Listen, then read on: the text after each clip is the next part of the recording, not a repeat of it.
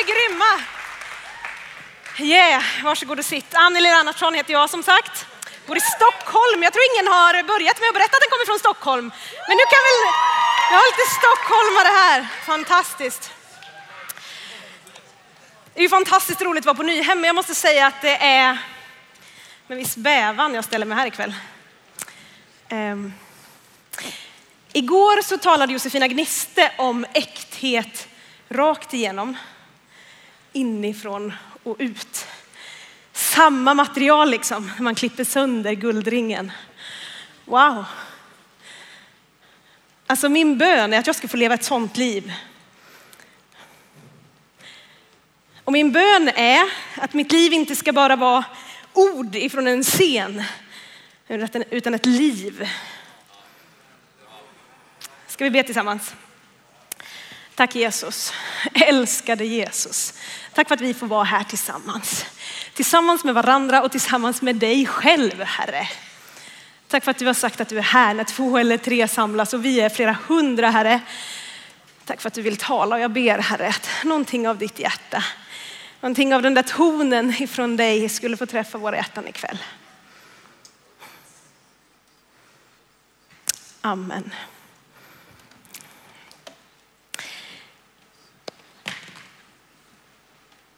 Grejen är inte att söka de stora orden, de stora bekännelserna, de stora scenerna. Grejen, det är att leva ett liv där våran vandring, våran riktning, våra steg blir bekännelsen som talar. Och det är min bön att det skulle få vara så. Här ikväll och i våra liv där vi går, där Gud har kallat oss att gå. Temat ikväll är att gå ut. I vår kultur så applåderar vi de som står på scenen.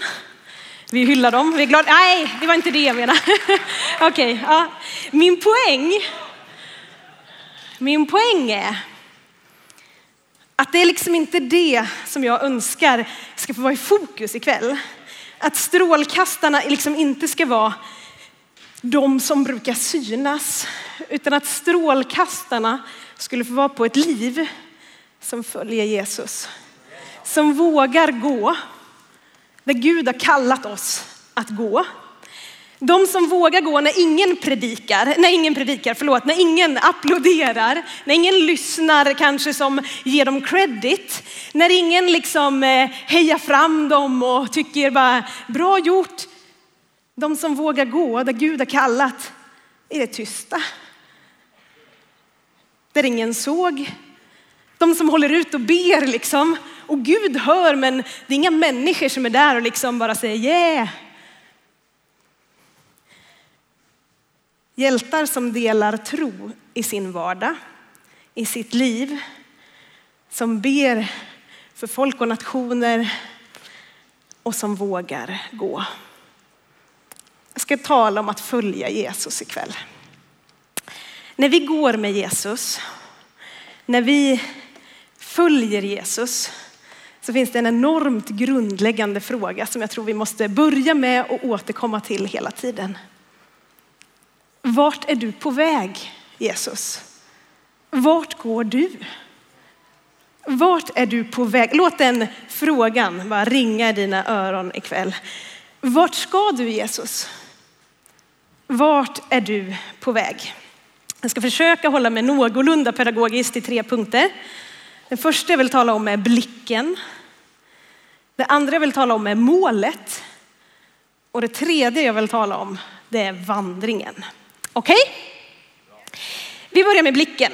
Jag tror nämligen att blicken, det är extremt avgörande för vart du hamnar. Var du fäster din blick, det avgör vart du ska. Är det någon som varit ute och cyklat någon gång till exempel, haft så trevligt och sen bara såg något väldigt kul på sidan av vägen?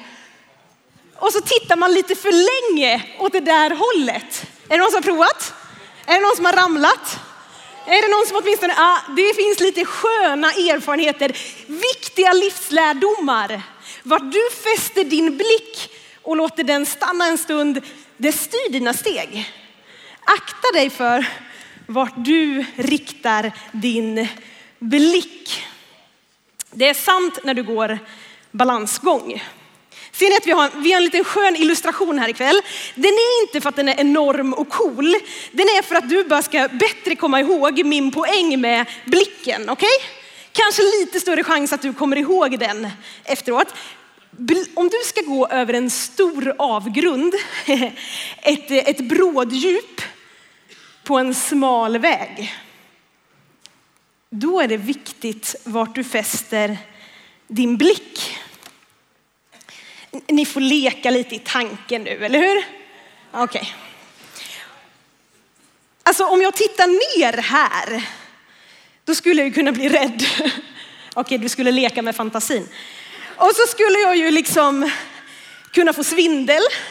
Jag skulle kunna bli osäker på liksom hur långt ner det är och vad som ska hända. Men om jag fäster min blick där, på målet, då inser jag ju att det här är ju inte särskilt långt att gå och inte särskilt svårt, eller hur?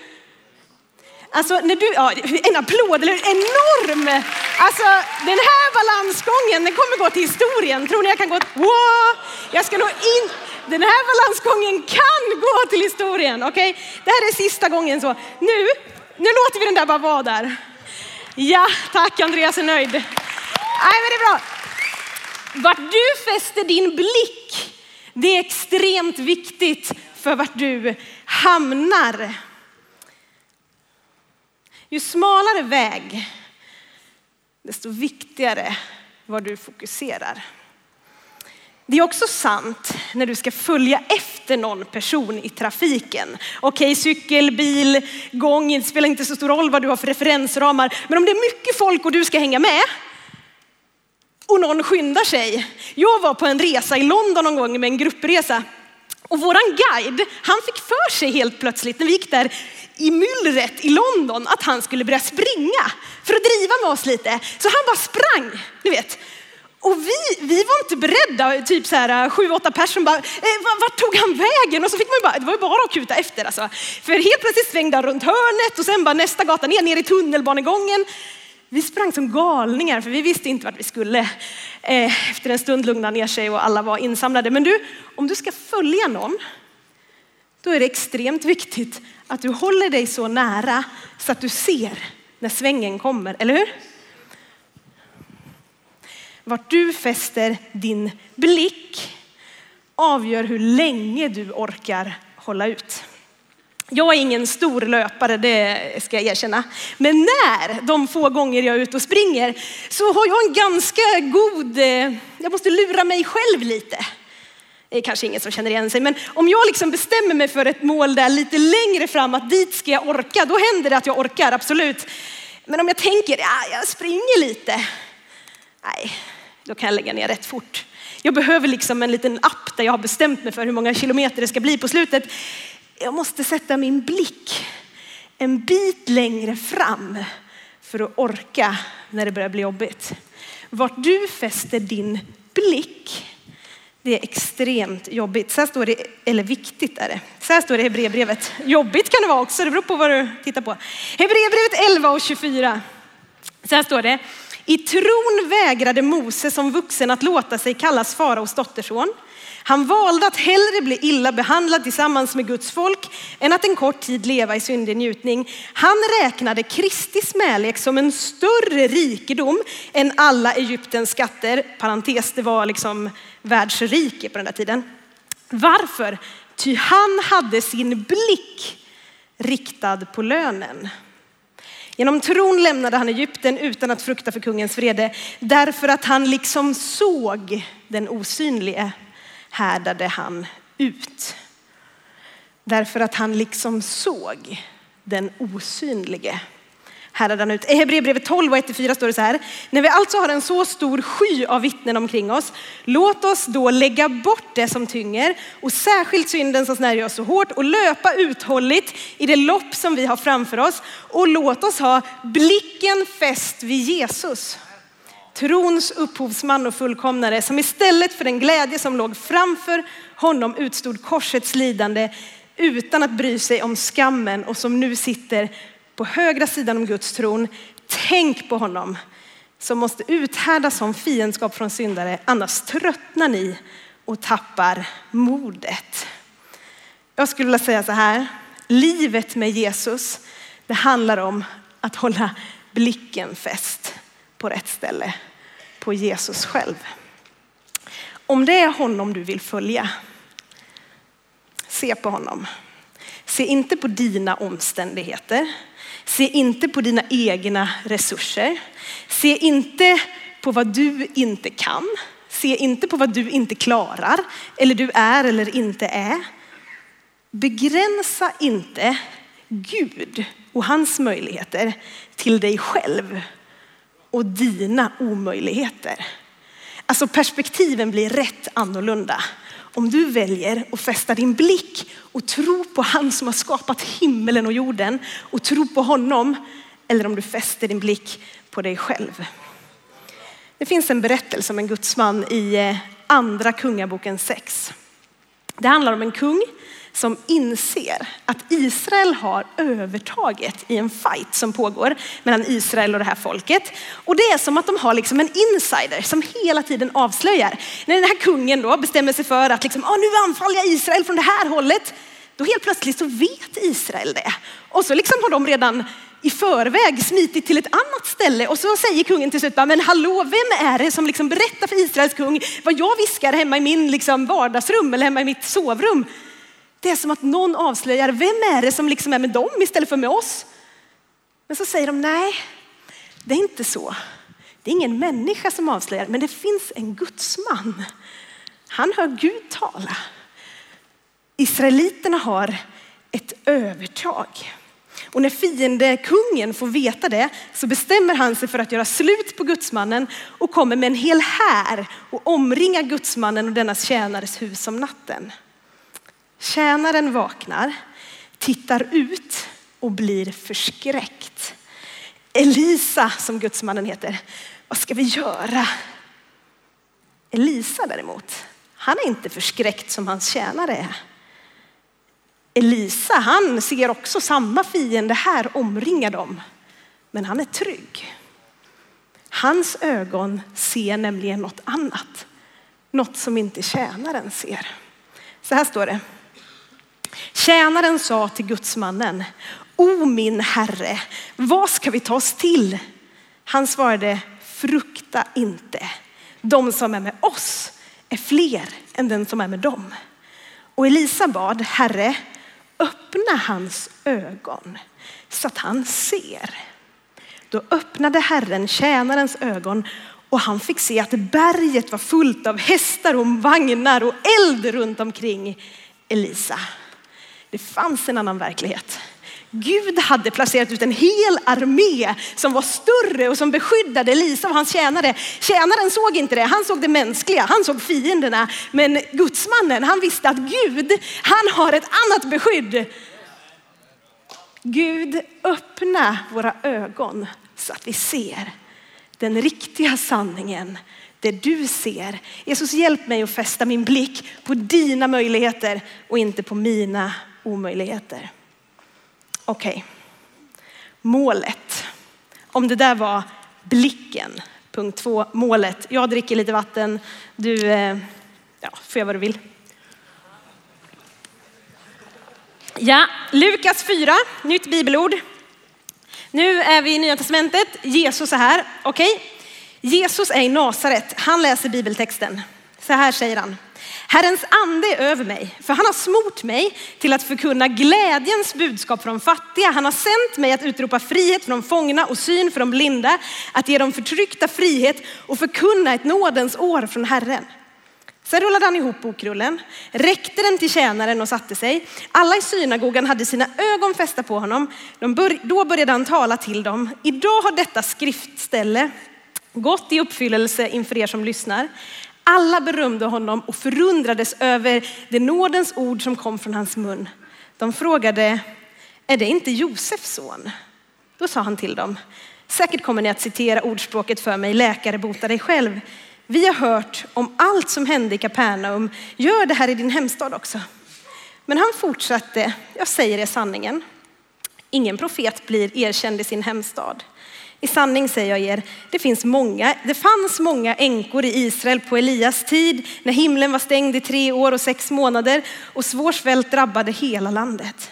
Men Elia blev inte sänd till någon av dem, utan bara till en änka i Sarefat i Sidons land. Och det fanns många spetälska på Israels tid, på profeten Elisas tid, men ingen av dem blev renad utan bara Syrien, Naman. Vi kan sluta där. Jesus, han hade sitt uppdrag klart.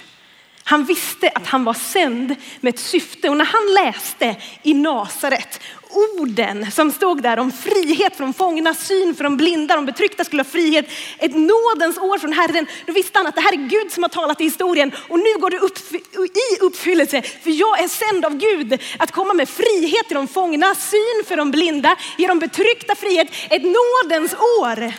Det är det Jesus kommer med. Det var det han kom med då. Det är det han är sänd till världen och ger nu. Alltså om du följer Jesus, då är det ett sånt liv. Frihet, glädje. Det är det livet. Han visste att han hade fått den utrustning han behövde ifrån Gud. Målet var att ge räddning till världen. Syn, frihet, frälsning. Till vem då? Till fler än vad de som satt där i Nasaret verkade förstå. Jesus, han påminde dem om att det har varit så förut. Att Gud, han har alltid tänkt på fler. Inte bara det här folket, inte bara Israels folk. Nej, Gud genom historien, vet ni, kommer ni ihåg? Han skickade ju faktiskt helande bort till, var det någon som kände igen de här städerna? Vart var det de var? Han påminde dem eh, Sarefat i Sidons land och Syrien, Naman, Naman, han bodde i Syrien. Alltså jag visste inte ens var de där städerna låg. Jag var tvungen att googla. Jag vet inte, är det någon som vet vart det ligger? Gud, han har alltid skickat folk längre. Längre bort än vad vi tror. Våran lilla omvärld här där vi tror att budskapet är till för den här gruppen så påminner Jesus om, vet du Gud, han har tänkt större, större, han har skickat längre. Målet är att ge räddning till världen, inte bara till oss. Ty så älskade Gud världen att han gav sin enda son för att de som tror på honom i hela världen skulle räddas. Målet är att en dag ska det bli en lovsångskör inför tronen med alla folk och stammar och språk. Jesus, han var sänd till fler. Han var sänd till fler. Änkan i Sarapeta, jag vet inte ens hur man säger det. Vet ni, jag fick googla det, det ligger i dagens Libanon. Den sjuke mannen, han var från Syrien. Han var inte bara sänd Jesus till sitt eget folk. Målet var världen. Gud, han har alltid velat nå fler. De som inte idag liksom har access. De, Jesus han går längre bort. Han ser fler. Han går längre. Om man läser i början på Lukas evangeliet där det här står. Jag tycker det är fascinerande att upptäcka hur man igen och igen och igen märker hur Jesus liksom bryter gränser. Ja, det är ett hus där det är massa folk och, och några killar vill ta med sin kompis eh, till Jesus och det är fullt av folk. Eh, de kommer inte in genom huset, de bryter upp taket, de hissar ner honom. Vad gör Jesus? Ja, han förlåter synder. Oj, hela sjuka. Ja, det är stort. Men han förlåter synder också. Oj, där bröt han visst någon slags gräns. Och sen, eh, sen håller han på med mer. Jo, eh, han kallar en publikan, Levi, helt fel typ av människa säkert vad de andra tyckte. Kom och följ mig. Han partar med syndare som andra tycker inte lämpligt, det där borde du sluta med. Men Jesus han vet att han är sänd till fler än vad alla andra tycker är lämpligt. Jesus mål är större. Och så säger han, varför då? För att det är de sjuka som behöver läkare och inte de friska. Jesus, han bara bryter gräns på gräns på gräns på gräns. Och mitt i allt det där, i början på evangelierna, det är då han kallar sina lärjungar. lärjungar. Och så säger han, följ mig så ska jag göra er till människofiskare. Följ mig. Vart är du på väg Jesus? Vart ska han? Nu kommer jag till min punkt nummer tre och det är vandringen. Man skulle kunna prata länge om att vandra med Jesus. Jag tänker att jag ska ta dig till två bibelberättelser i Bibeln. Jag ska inte prata så länge om varje så du behöver inte få någon panik. Två olika exempel på vandringen med Jesus. Andreas var inne på den här barmhärtige samarien i morse och det är ju en, en story som Jesus berättar för en laglärd som undrar liksom, vem är min nästa? Och då berättar Jesus ett exempel om en samarier som hjälper en jude bara det var ju konstigt. Tvärs över kulturgränser, tvärs över bekvämliga gränser, de man normalt brukar vilja hänga med. Jesus, han sätter ett exempel som korsar kulturgränser. Men det är samtidigt väldigt vardagsnära. Jag tror inte att den där samarien var ute på någon väldigt speciellt uppdrag just för den dagen, utan han gick antagligen där för att det liksom hörde till hans vardag. Han gick förbi en man som är bruten och ligger där vid vägkanten. Och det är liksom inte så att han får en eldskrift på väggen. Du ska just nu göra ett mirakel med den här mannen. Nej, han ser ett behov. En bruten man. Han hjälper honom upp. Han ger honom praktiskt taget transport till sjukhuset. Han betalar sjukhusräkningen. Han ser till att han får läkarvård. Jesus väldigt handgripligt berättar om en man när han säger vem är min nästa? En vardagshändelse där han får praktisk hjälp. Samarien, inte någon speciellt kallad man, utan bara en, en vanlig människa som såg ett behov och fyllde det. Typiskt Jesus skulle jag vilja säga. Han är på väg till utslagna människor på vägkanten. I Apostlagärningarna finns det en annan story som jag har läst så många gånger och fascinerats av. I Apostlagärningarna kapitel 10 och 11 så är det som en story som berättas om tre gånger. Det är som man bara tänker, men läste jag inte det här nyss när man kommer dit? Jag vet inte om ni har läst igenom det där. Det är liksom samma story och sen berättar någon annan om den storyn som just hände och sen berättar någon tredje för den vad det var som hände med de där andra två. Man bara, hallå? Det verkar som att det är väldigt viktigt vad som kommer fram och hur det där var egentligen. Berättelsen tar ett och ett halvt kapitel. Och det handlar om aposteln Petrus som hittills bara har nått fram till sina egna. De i sin egen kultur, de i sin egen, liksom, de judarna som han hängde med, där han kände sig trygg, där han snackade språket. Men nu i Apostlagärningarna 10 och 11 så är det som att Gud bara poängterar Petrus, budskapet om mig, kärleken ifrån mig, friheten från fångna, synen från blinda, målet vi är på väg till. Du vet, det är tänkt för fler. Och så gör liksom Gud värsta grejen, hur Petrus står där och ber på sitt tak och så får han se en syn och det kommer ner en duk och det är massa djur där. Och så, poängen är att Gud säger det jag kallar för rent ska inte du kalla för orent. Och under tiden som Gud liksom lägger ner värsta energin på att övertala Petrus hur han ska agera så håller han på att skicka några änglar hit bort. För här borta i Corneliehus i en annan stad så, eh, så är det en man som längtar efter Gud och, och söker honom. Och då kommer några änglar och säger, ah, men du det finns en kille där borta i Joppe han heter Simon Petrus, han bor i det och det huset. Skicka några killar dit och hämta honom så kan han berätta vad det är som eh, gäller.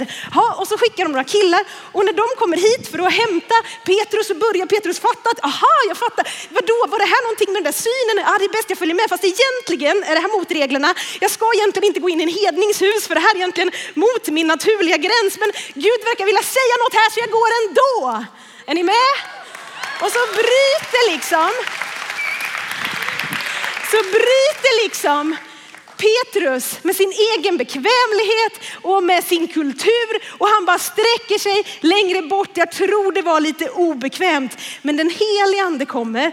De börjar tala i tungor och det slutar med att de döps i vatten och det går upp för Petrus att om Gud döper dem i helig ande, då kanske inte jag som ska säga att det inte fanns för dem.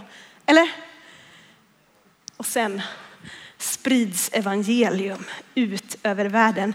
Vet ni Petrus, han var öppen för andens ledning. Han var öppen för otippade. Alltså Gud kunde leda honom. Bara här Petrus, nu har du varit i det här tankemönstret innan, men jag vet att du tänker om lite. Och så var Petrus lyhörd. Ibland leder Gud, inte bara i vardagshändelser när vi bara ser ett behov, utan ibland leder Gud sådär specifikt. Om vi går den här vandringen med blicken fäst på Jesus så tror jag att vi, både som samarien, bara helt naturligt kan ge Jesu kärlek till människor runt omkring oss i vår vardag där vi ser ett behov. Men jag tror också att det finns lägen där vi på ett speciellt sätt blir ledda av anden. Jag har en kompis, jag tänkte att jag skulle vilja berätta en berättelse för er som hände ganska nyligen. Eh, och jag, jag, tänker lite på Cornelius när jag hörde den här storyn, alltså den där berättelsen. Min kompis, han upplever att Gud säger till honom att han ska åka till en speciell stad. Det är en miljonstad i Mellanöstern, massor med folk. Han har inte riktigt klara besked om vad han ska göra där, men han väljer att lyda. Han åker dit, han går runt i fyra dagar och ber och bara Gud, vad, vad ville du? Ville du ha mig här? Vad, vad skulle jag göra egentligen? Den femte dagen så tänker han, men jag hoppar väl på en sån här turistbuss, ni vet, åker runt lite. Så hoppar han av i ett speciellt hus och känner, men här ska jag gå in. Så här, det var något stopp där på turen. Han går in och han sätter sig på golvet. Han känner liksom frid att vara där en stund. Så han sätter sig, han ber lite, han läser lite sin bibel. Efter ett tag tänker han, nej men nu är det nog dags att gå. Det här verkar ju inte liksom, eller? Försöker han ställa sig upp. Men då är det som att han är fastnaglad i golvet. Ni vet, han, han kommer inte upp. Han bara, hä? Så blir han nästan lite rädd. Bara, vad händer nu då? Men han fortsätter att be. Tänker, jag sitter väl kvar här då. Samtidigt så är det en kvinna. Hon kommer in i det här huset. Hon har varit här flera gånger på sistone. För hennes man har nämligen sett en dröm. Hennes man har sett hur de kom till det där huset och såg en man sitta på golvet på det där stället. Och de har liksom sett det här i verkligheten hända i drömmen. Och hon har gått och tittat. Och den här dagen, jag vet inte hur många dagar det har gått, men den här dagen så ser hon det där måste vara han. Det bara lyser som ett ljus över henne. Och hon tänker min man måste få vara med om det här. Det var ju han som drömde drömmen. Så hon springer och ringer efter honom. Bara, du måste komma nu för den där mannen är här. Eh, och det tar typ en halvtimme för honom att komma dit till den här platsen. Och de kommer in. Och då sitter min vän där på golvet. Och så möts de. Och så pratar de.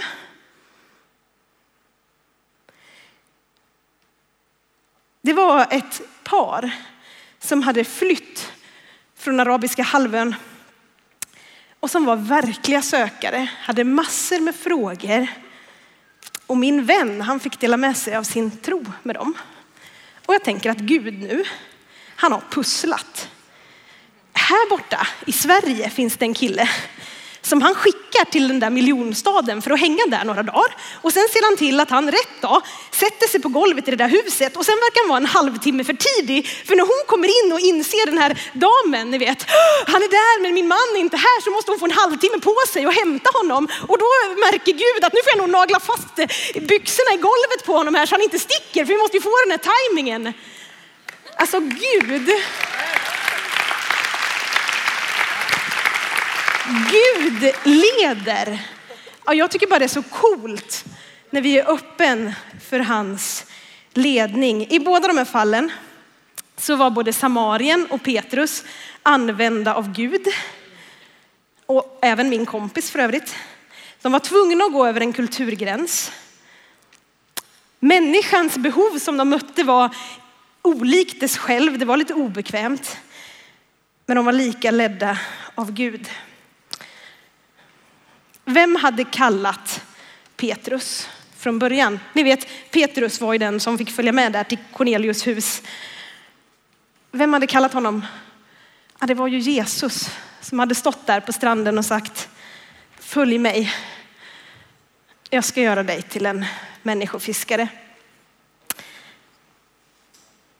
Vem följde Petrus? Om man tittar på Petrus liv så här efteråt, det här händelsen med Cornelius hus, det var ju efter att Jesus hade åkt upp till himlen, eller hur? Efter Kristi himmelfärd. Och Petrus var ju numera liksom lite mer bara som vi, kunde inte se Jesus fysiskt, ni vet. Men jag tycker man kan se på Petrus handlingar att han följde Jesus. Han sträckte sig ut för fler. Han fanns där för nya människor. Han vågade ta ett steg i tro. Och det finns en berättelse, jag vet inte om den är sann, den tillhör kyrkotraditionen och står inte i Bibeln. Men det finns en berättelse om när Petrus är gammal. Han har blivit pastor i Rom, säger traditionen. By the way, stor stad, ganska strategiskt bra att vara där. Okej? Okay? Så blir det en svår förföljelse av de kristna tvingas fly. De flyr för sina liv. Det gör också Petrus. Han ska lämna stan, säger historien. Så när han är på väg ut ur stan så, så är det som att han möter Jesus.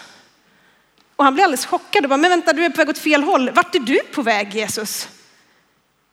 Vi är på väg bort. Så säger Jesus då, upplever Petrus några hjärtskärande ord. Jag är på väg till fåren där inne i stan, alltså människorna som du just lämnar. Jag är på väg in i staden och än en gång ge mitt liv för människorna. Det hugger tag i Petrus bröst. Han vänder på klacken och går tillbaka in för att nå de människorna i den där stan som han höll på att lämna. Den där berättelsen gör nästan ont i mig. Jag var inte säker på att jag skulle berätta den. Ni vet det där Josefina sa igår om äkthet, samma material inifrån och ut. Kan jag berätta en sån berättelse? Jag tror att jag skulle fly. Jag är inte säker på att jag skulle vända och gå in i stan igen. Men jag ber till Gud att den dagen det kostar lite att följa, att jag ska vara redo att göra det. Inte bara vara en kristen som gillar de coola scenerna när folk applåderar och bara yeah! Utan att det liksom ska vara i mitt hjärta så att jag följer, inte det coola livet, utan Jesus. Det är min bön.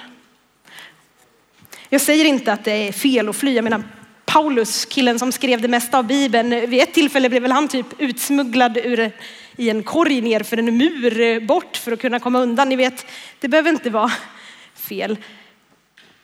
Men det finns lägen tror jag, där det kostar lite att följa och där det måste få kosta något av mig för en annan människas skull.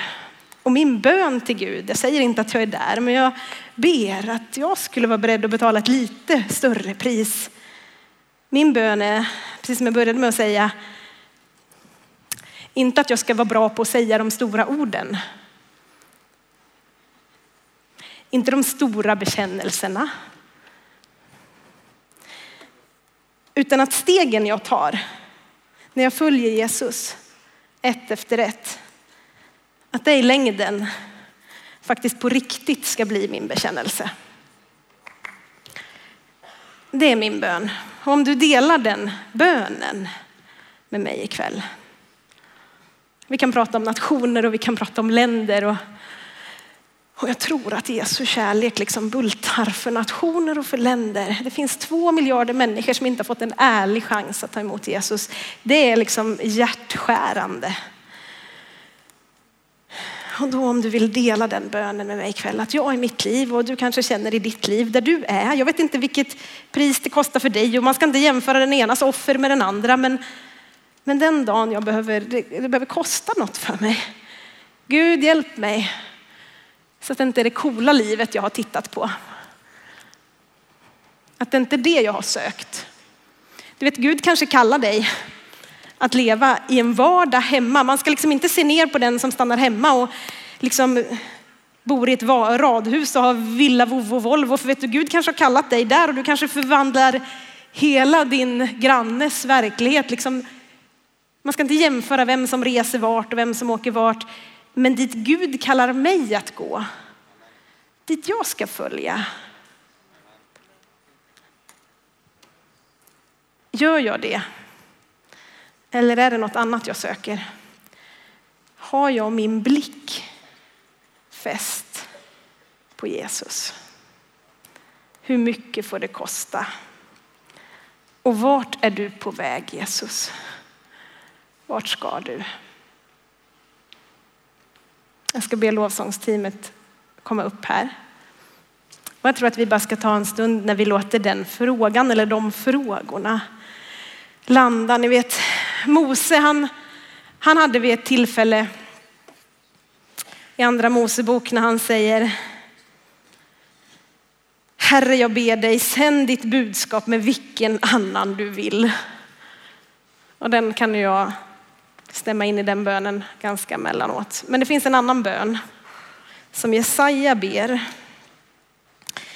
Eller han hör Herren tala först. Och jag hörde Herrens röst. Han sa, vem ska jag sända och vem vill vara vår budbärare? Då sa jag, här är jag. Sänd mig. Ni vet, ingen blir missionär den dagen man checkar in på en flight.